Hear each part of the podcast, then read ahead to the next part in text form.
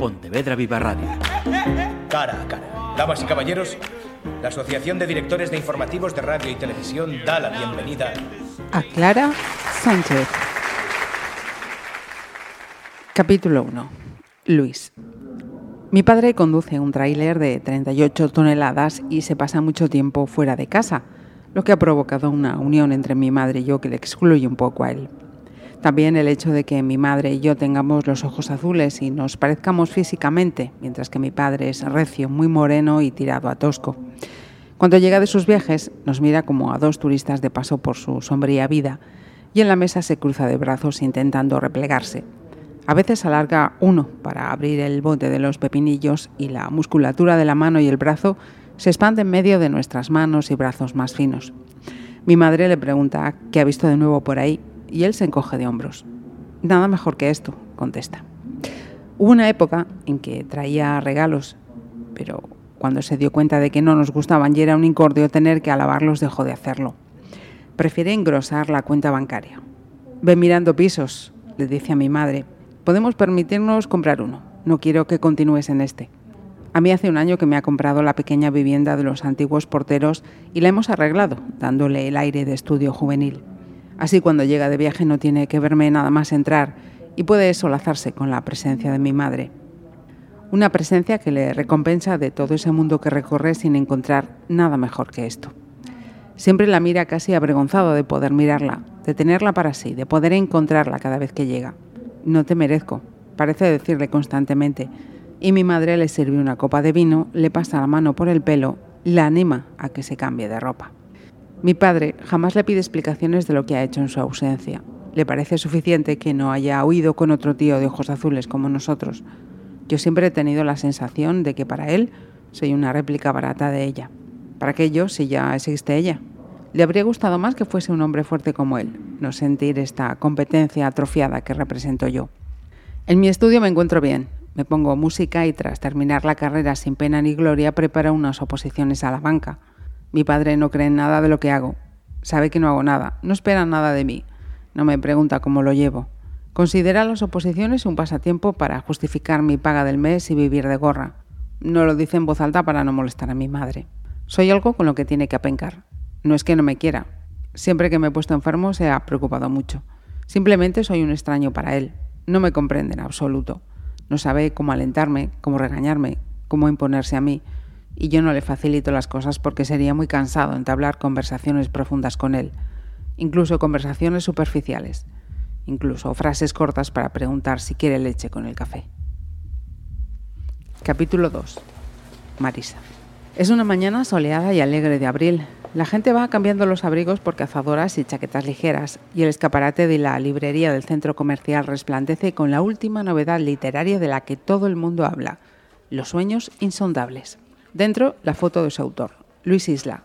Se sostiene sobre pilas de 50 ejemplares, cada una produciendo una sensación tan irresistible que no puede evitar coger uno ni pasar los dedos por sus letras en relieve. Una de esas caricias inconscientes que salen solas. Y abrirlo, una gran historia y un gran descubrimiento este muchacho, me dice Simón, el librero, con un entusiasmo que se reserva para los grandes lanzamientos. El ambiente es veraniego, casi sofocante en torno a la mesa de novedades. No recomendaría un libro en el que no creyera, añade con el empeño de pillarme con la guardia baja y que compre algo, una esperanza que abriga desde hace años. Normalmente acudo aquí a ojear un rato las novedades a la espera de que aterricen en la biblioteca pública para tomarlas en préstamo. No estoy dispuesta a desembolsar un solo euro en una industria que 30 años atrás me trató con indiferencia, que es todo lo contrario al amor. ¿Quién se acuerda ya de mi única novela, Días de Sol, publicada en 1989, completamente descatalogada, inencontrable, olvidada? Veo que Carolina Cox ha sacado novela, digo, señalando una pequeña colina de libros sepultada por las grandes montañas de los sueños insondables. Está mal que yo lo diga, dice él, pero francamente no hay color entre Los sueños insondables y otra novela repetitiva de Carolina. Siento algo precioso en el corazón, una especie de amor hacia Simón. Él no puede sospechar que Carolina publicó su primera novela en el mismo año que yo y con el mismo editor, con la diferencia de que ella triunfó a lo grande y yo desaparecí.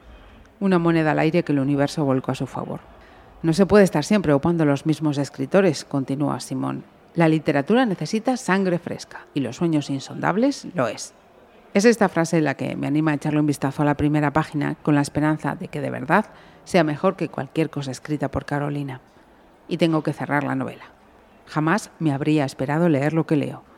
Será una ilusión como cuando crees que conoces a alguien que no conoces o crees que has visto algo que no has visto o tienes uno de esos sueños lúcidos o premonitorios de algo que podría suceder.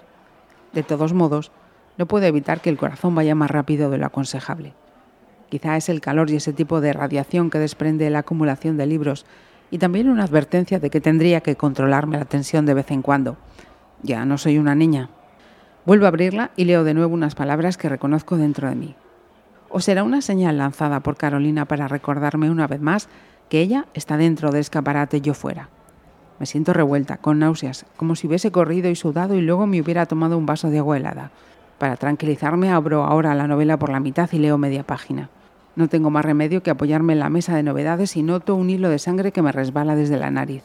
Cae una gota que emborrona la palabra mar, por lo que no puedo devolver la novela a su sitio y me dirijo a la caja a pagar ante la sorprendida mirada de Simón. Puede que sea la primera vez que me ve salir con una bolsa de la librería y en correspondencia me tiende un trozo de algodón. No puedo culparle por no haber leído Días de Sol ni conocer su existencia pasó desapercibida por la escasa tirada y porque esas pocas copias la editorial las destruyó para hacer hueco en los almacenes, no sin antes comunicármelo de la forma más escueta y fría posible. Estoy casi segura de no conservar ningún ejemplar. Las mudanzas, las responsabilidades y el empeño en olvidar que escribí una novela consiguieron que pasara página, que erradicara días de sol de mi vida igual que esos padres que matan a los hijos para intentar volver a la despreocupación de antes pero uno no deja de ser padre, aunque mate a los hijos. El daño ya está hecho. Y mi novela desapareció en el espacio profundo como días de sol, para regresar mucho tiempo después convertida en los sueños insondables del fascinante escritor Luis Isla. El centro comercial está a cuatro kilómetros de casa y Mauricio y yo solemos ir en coche. Pero ahora necesito caminar hasta sacudirme de encima la impresión de haber leído mi novela en otra novela. 300 páginas abandonadas a la oscuridad y de las que incluso yo misma había acabado renegando cuando tiré años después al contenedor de papel y cartón los pocos ejemplares que la editorial me había regalado. Tengo tiempo durante el camino para hacer una parada en un bar, tomarme un café, ir al baño, cambiarme el algodón de la nariz por un trozo de papel higiénico y mirarme en un espejo empañado por cien mil alientos diferentes y sentirme confusa y mal por haber llegado a los 60 años sin darme cuenta, por haber hibernado en una cápsula invisible y haber despertado de pronto. He abierto los ojos de repente y no entiendo nada.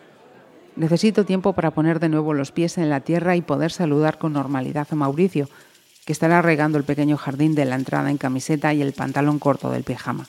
Voy preparándome para la jubilación, suele decir medio serio, medio en broma, aunque todo apunta a que es en serio.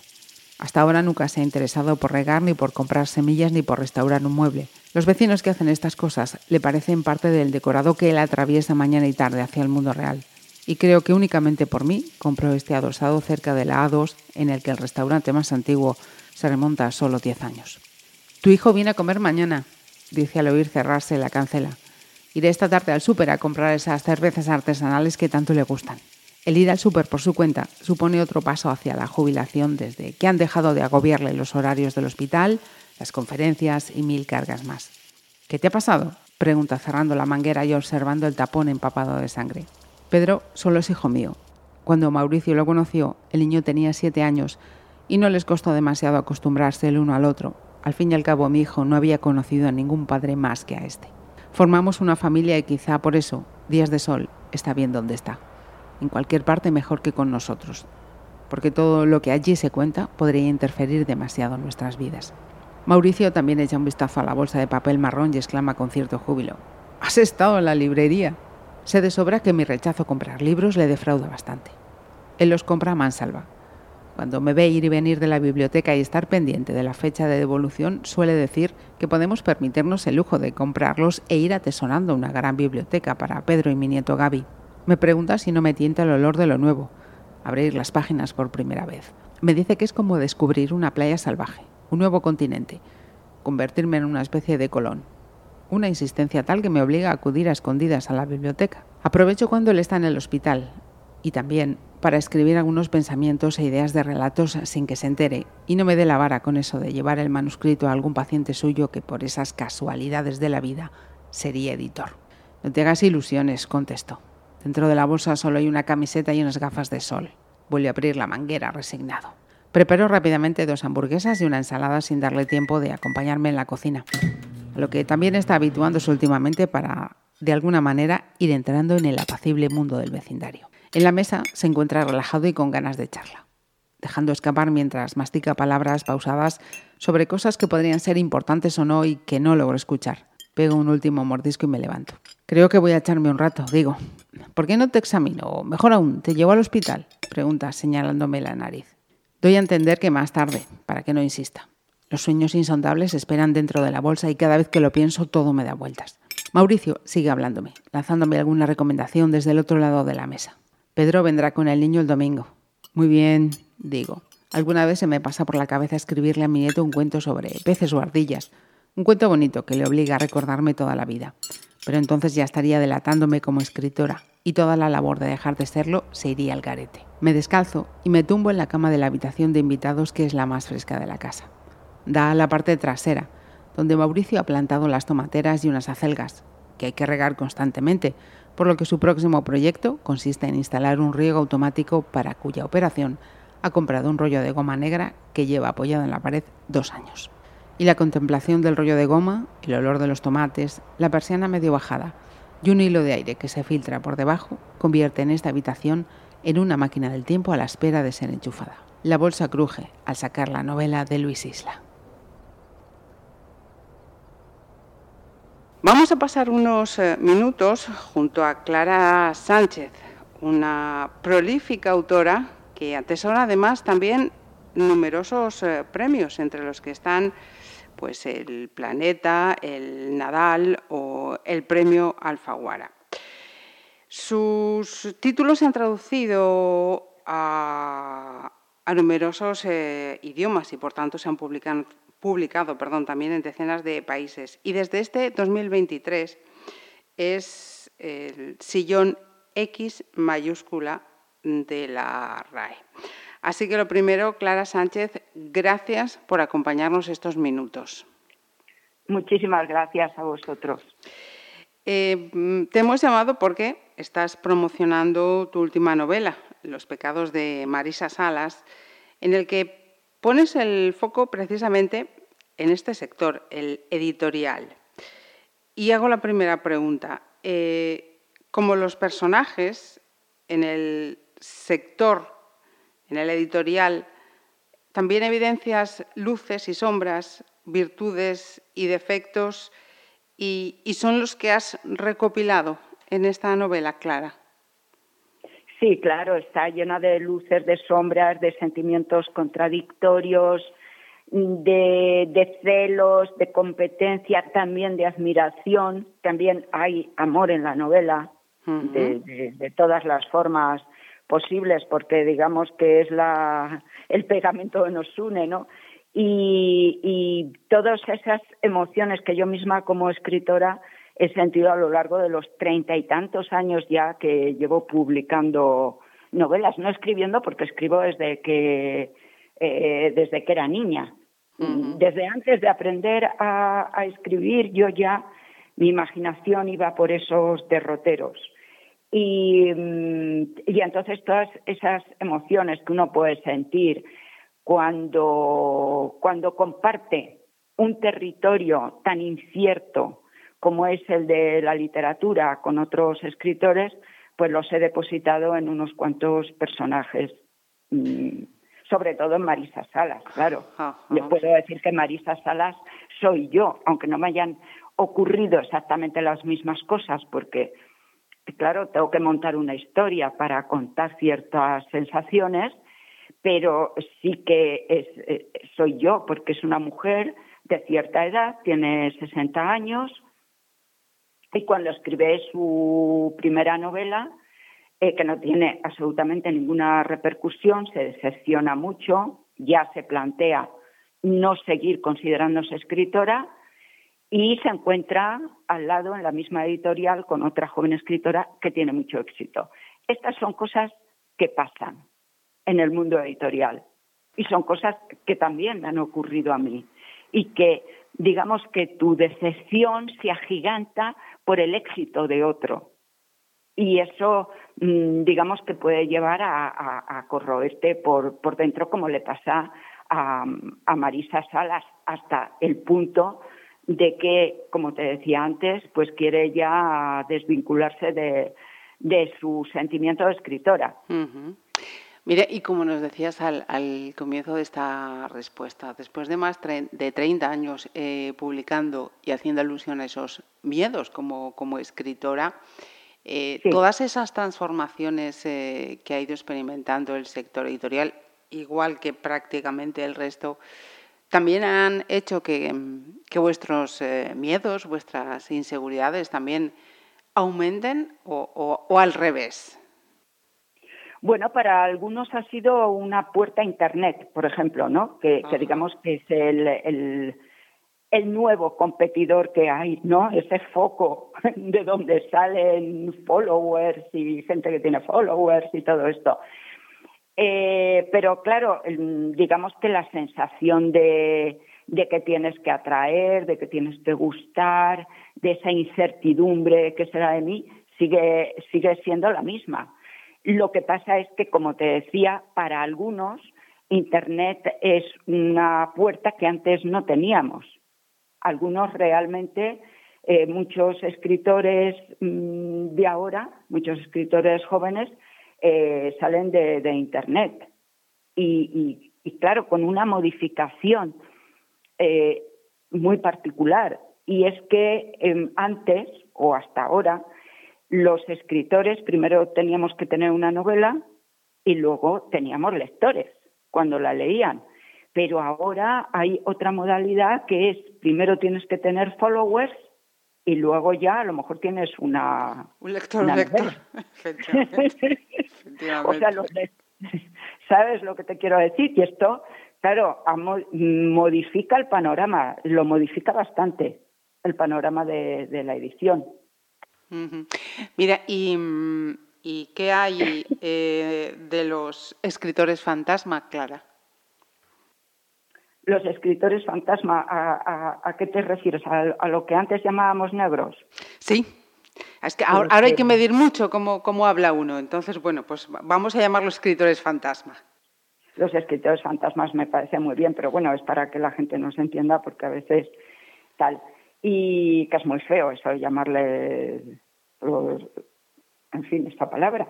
Pero bueno, eh, bueno, pues eh, existe, han existido siempre y yo creo que, que existen, me imagino, porque hay escritores que, que no han tenido la suerte de publicar o que no han tenido ningún éxito y encuentran su forma de vida de esa otra manera. Y a lo mejor hay escritores que, tienen mucho éxito y no dan abasto y tienen que, recurrir al escritor fantasma. no conozco muy bien ese terreno porque claro es un es un es algo de lo que no se habla, se sabe, pero nadie te cuenta, fulanito tiene un escritor fantasma que le ha escrito esta y esta novela, eso nadie te lo cuenta, no te lo dicen. Sí, sí. Entonces todo es como un poco así fantasma. como, como en, el backstage, ¿no? Como se diría en el ámbito musical. Queda detrás de la cortina. Detrás de la cortina, exactamente. En mi caso me parece algo muy un poco patético, desolador, ¿sabes? Porque cuando uno escribe es para poner ahí toda su potencia, independientemente de que luego la novela te da repercusión, no te da repercusión, etcétera. Pero ya el mismo acto de escribir tiene un valor en sí mismo muy grande, porque desarrollas imaginación, desarrollas eh, capacidad de expresión, desarrollas neurológicamente es buenísimo y, y tienes la satisfacción de volverte un niño que crea un mundo. Entonces, si eso te lo hace otro, aunque luego tengas mucho éxito, pues me parece que mm, seguramente... Mm, malamente la vas a defender, sí. No, y que, y que tendrá que sentir un gran vacío interior, porque por mucho que se autoengañe, sabe que eso no lo ha hecho él. O sea, eh, no sé, le habrá dado datos, habrá a lo mejor ha dado dos o tres folios, pero si luego te lo hacen, pues es como descubrir América o no descubrirla. es, una cosa, no sé, una, muy insatisfactorio. Pero claro, el éxito, que es un regalo envenenado cuando es desaforado y sobre todo cuando, cuando no es muy merecido, puede traer eh, ciertas cosas de este tipo, porque mantenerse en el éxito a veces es muy difícil, a veces mm, te quedas sin ideas, a veces, no sé, ya a lo mejor se puede caer en esta trampa. Pero no lo sé, no lo sé porque es un algo sobre lo que nadie da datos concretos. Además, eh, opinión personal, me parece que es una, una novela muy humana, ¿no? Ya el título es Los pecados de Marisa Salas y si seguimos esa denominación de Santo Tomás de Aquino de, los pecados capitales, casi casi desfilan todos, ¿no? A lo largo de, todos los personajes que van interviniendo en esta novela. Sí, sí, sí, casi todos. Y sobre todo mm, Marisa Salas eh, tiene un mea culpa eh, después de 30, de 30 años en que le ocurrió aquello, ¿no? De que su novela desapareció, el, bueno, no tuvo ningún, ningún éxito, ella se da cuenta de que un, un pecado ha podido ser envidiar el éxito de, de Carolina Cos, ¿no? Que fue su, como su contrincante, su rival, en su rival en esa en esa batalla, pues pues es un pecado. Ella ya lo consideré dice, pero bueno, en realidad ella no me quitaba nada con su éxito. Yo sentía que me lo quitaban, pero no me lo ha quitado. O sea, ese es un, ya un sentimiento de culpa. Y luego, de esta manera, tiene otros hasta que siente como una cierta sanación.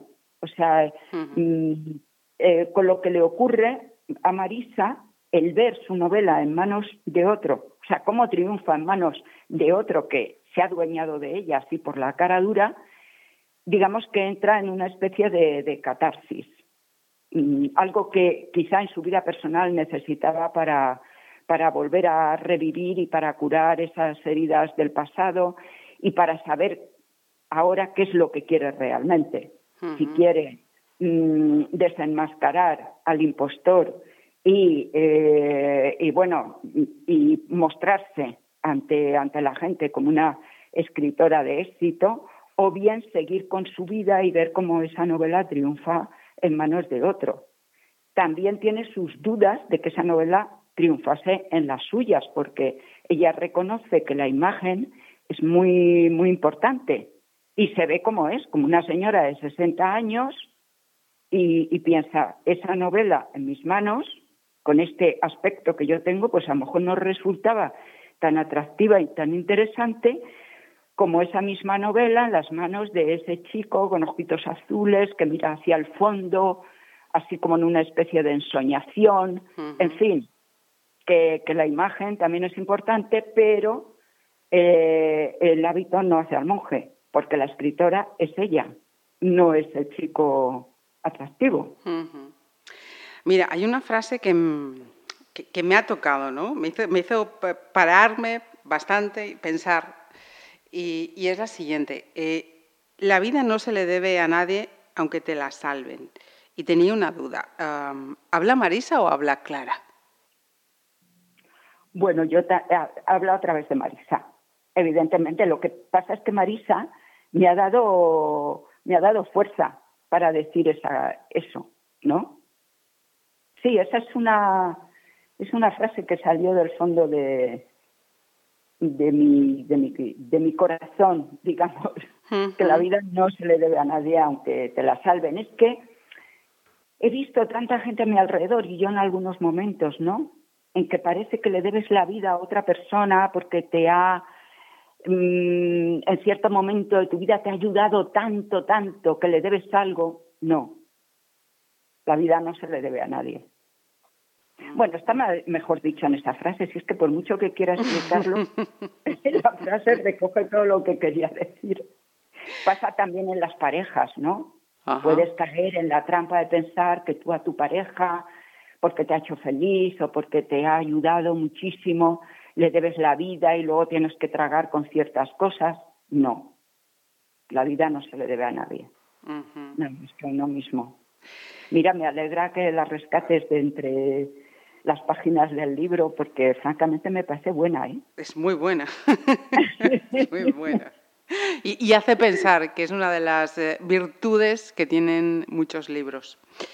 Em, la novela se acaba de publicar en España y creo haber leído, corrígeme si no es así, que previamente se, había publicado en, Italia y, con notable éxito además. Y hago esta referencia porque mm, allí tienes también un, gran público lector, también en California han reconocido tu trayectoria, con lo cual em, tiene otro plus tu, don de la escritura, ¿no? Saber eh, captar la atención de los eh, lectores independientemente de, su país, ¿no? Que, creo que todavía es una vuelta de tuerca más para los que os enfrentáis al papel en blanco. Sí, es, eh, mira, es la magia de la, literatura, que no tiene fronteras, que puede, mm, por ejemplo, mi, la, la, cantidad de lectores que tengo en Italia, que fue a partir de 2011, para mí ha sido una de las sorpresas más gratificantes, de verdad, en mi carrera. He tenido, tengo que decir que he tenido muchos disgustos, pero también muchas, muchos alicientes y, uno de estos alicientes fue este, este éxito en Italia, en que, bueno, tengo muchísimos lectores. No te doy una cifra porque parece feo, pero, pero sí que es cierto que, que eso mm, en ciertos momentos eh, de mi vida me ha mm, confortado muchísimo, ¿sabes? Saber que unas personas de otra cultura, no es una cultura que sea muy diferente a la nuestra, pero al fin y al cabo es otro idioma y otra manera de ver las cosas, que, hayan participado de, estos sentimientos míos, que es lo que yo más pongo en mis novelas a través de, la historia eh, que inventen, ¿no? que son las, las emociones de la vida. Que, que, las comprendan, que hayan participado tanto de ellas, que durante todo este largo tiempo desde esa primera novela que tuvo tanto éxito, que es Lo que esconde tu nombre. Lo que esconde tu nombre lleva sesenta y tantas ediciones. En Italia, allí se llama de otra manera, el profumo del folle de limone, pero luego se ha ido publicando novela tras novela y, han seguido mm, siguiéndome, pues es realmente reconfortante y además em, esto me ha dado pie para decir muchas veces y a jóvenes escritores y tal, nunca tiréis la toalla, que nunca se sabe qué puede pasar con una novela que está escrita. A lo mejor en, el momento, o sea, en que la publicas, no es el momento de, esa novela, no es un momento oportuno, pero ahí está. Siempre se puede rescatar, siempre hay alguien que la puede descubrir, siempre, no sé, eh, creo que, vivimos momentos en que, mm, que la prisa nos angustia demasiado, porque es salir una novela y queremos que ya esa novela en el momento tenga todo, pero en el momento tenga todo el reconocimiento, tenga toda, todo. Y, y una novela, claro, tiene un proceso, ¿no? Para, porque hay que leerla, son muchas páginas y cuesta trabajo. Eh, lo que pasa es que también el mundo editorial, como pasa con el cine y tal, se ha contagiado de, de, de una prisa empresarial que no sé de dónde viene, que también,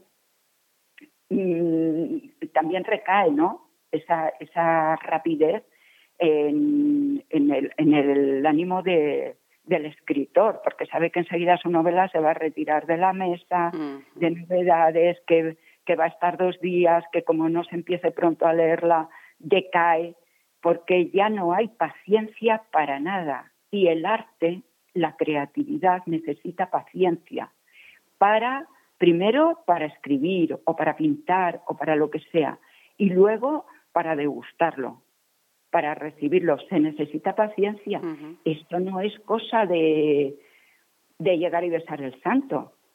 Y claro, eso nos crea a los que estamos, a los que dependemos, dependemos de tanta gente y dependemos de gustar a los lectores, nos crea mucha ansiedad. Porque realmente algo, un trabajo que nos ha costado dos o tres años o más, que luego se liquide en un mes, pues nos crea frustración. Nos crea bajón. nos crea bajón, esa, es la verdad. Hacía clara una alusión al cine y que decir además que, es una gran cinéfila y, y, eso se demostró durante sus apariciones en, en televisión. Antes de terminar, Clara, em, ¿cómo está siendo vivir la, la RAE desde dentro? Bueno, eh, yo he ingresado en la RAE, pero mi primer encuentro real de verme en un pleno y de tal va a ser el, jueves. Oh. ahora estoy como tú. Expectante. pero todavía no me he encontrado allí realmente discutiendo con los colegas eh, y viendo eh, por dentro cómo se fraguan esas, esas reuniones. No sé, lo veré, lo veré el jueves. Estoy ansiosa. No, me extraña, no me extraña. Deseamos que, sea lo más placentero posible y que esta novela, Los pecados de Marisa Salas, tengan un éxito también aquí, reposado, con calma, fuera de prisas, que estamos en un, momento social de, mucha inmediatez y mucha rapidez y eso, y eso no es bueno. No es bueno para nada, sí. Pues lo dicho, muchísimas gracias por tu tiempo, claro, un placer. Gracias a ti, un abrazo muy grande. Pontevedra Viva Radio. ¿Me permiten que les haga un comentario como espectadores del programa Cara a Cara? Según un reciente sondeo de mercado, ustedes disponen de estudios e inteligencias superiores a la media. Sus intereses abarcan desde la actualidad mundial y la ciencia hasta el deporte y los espectáculos.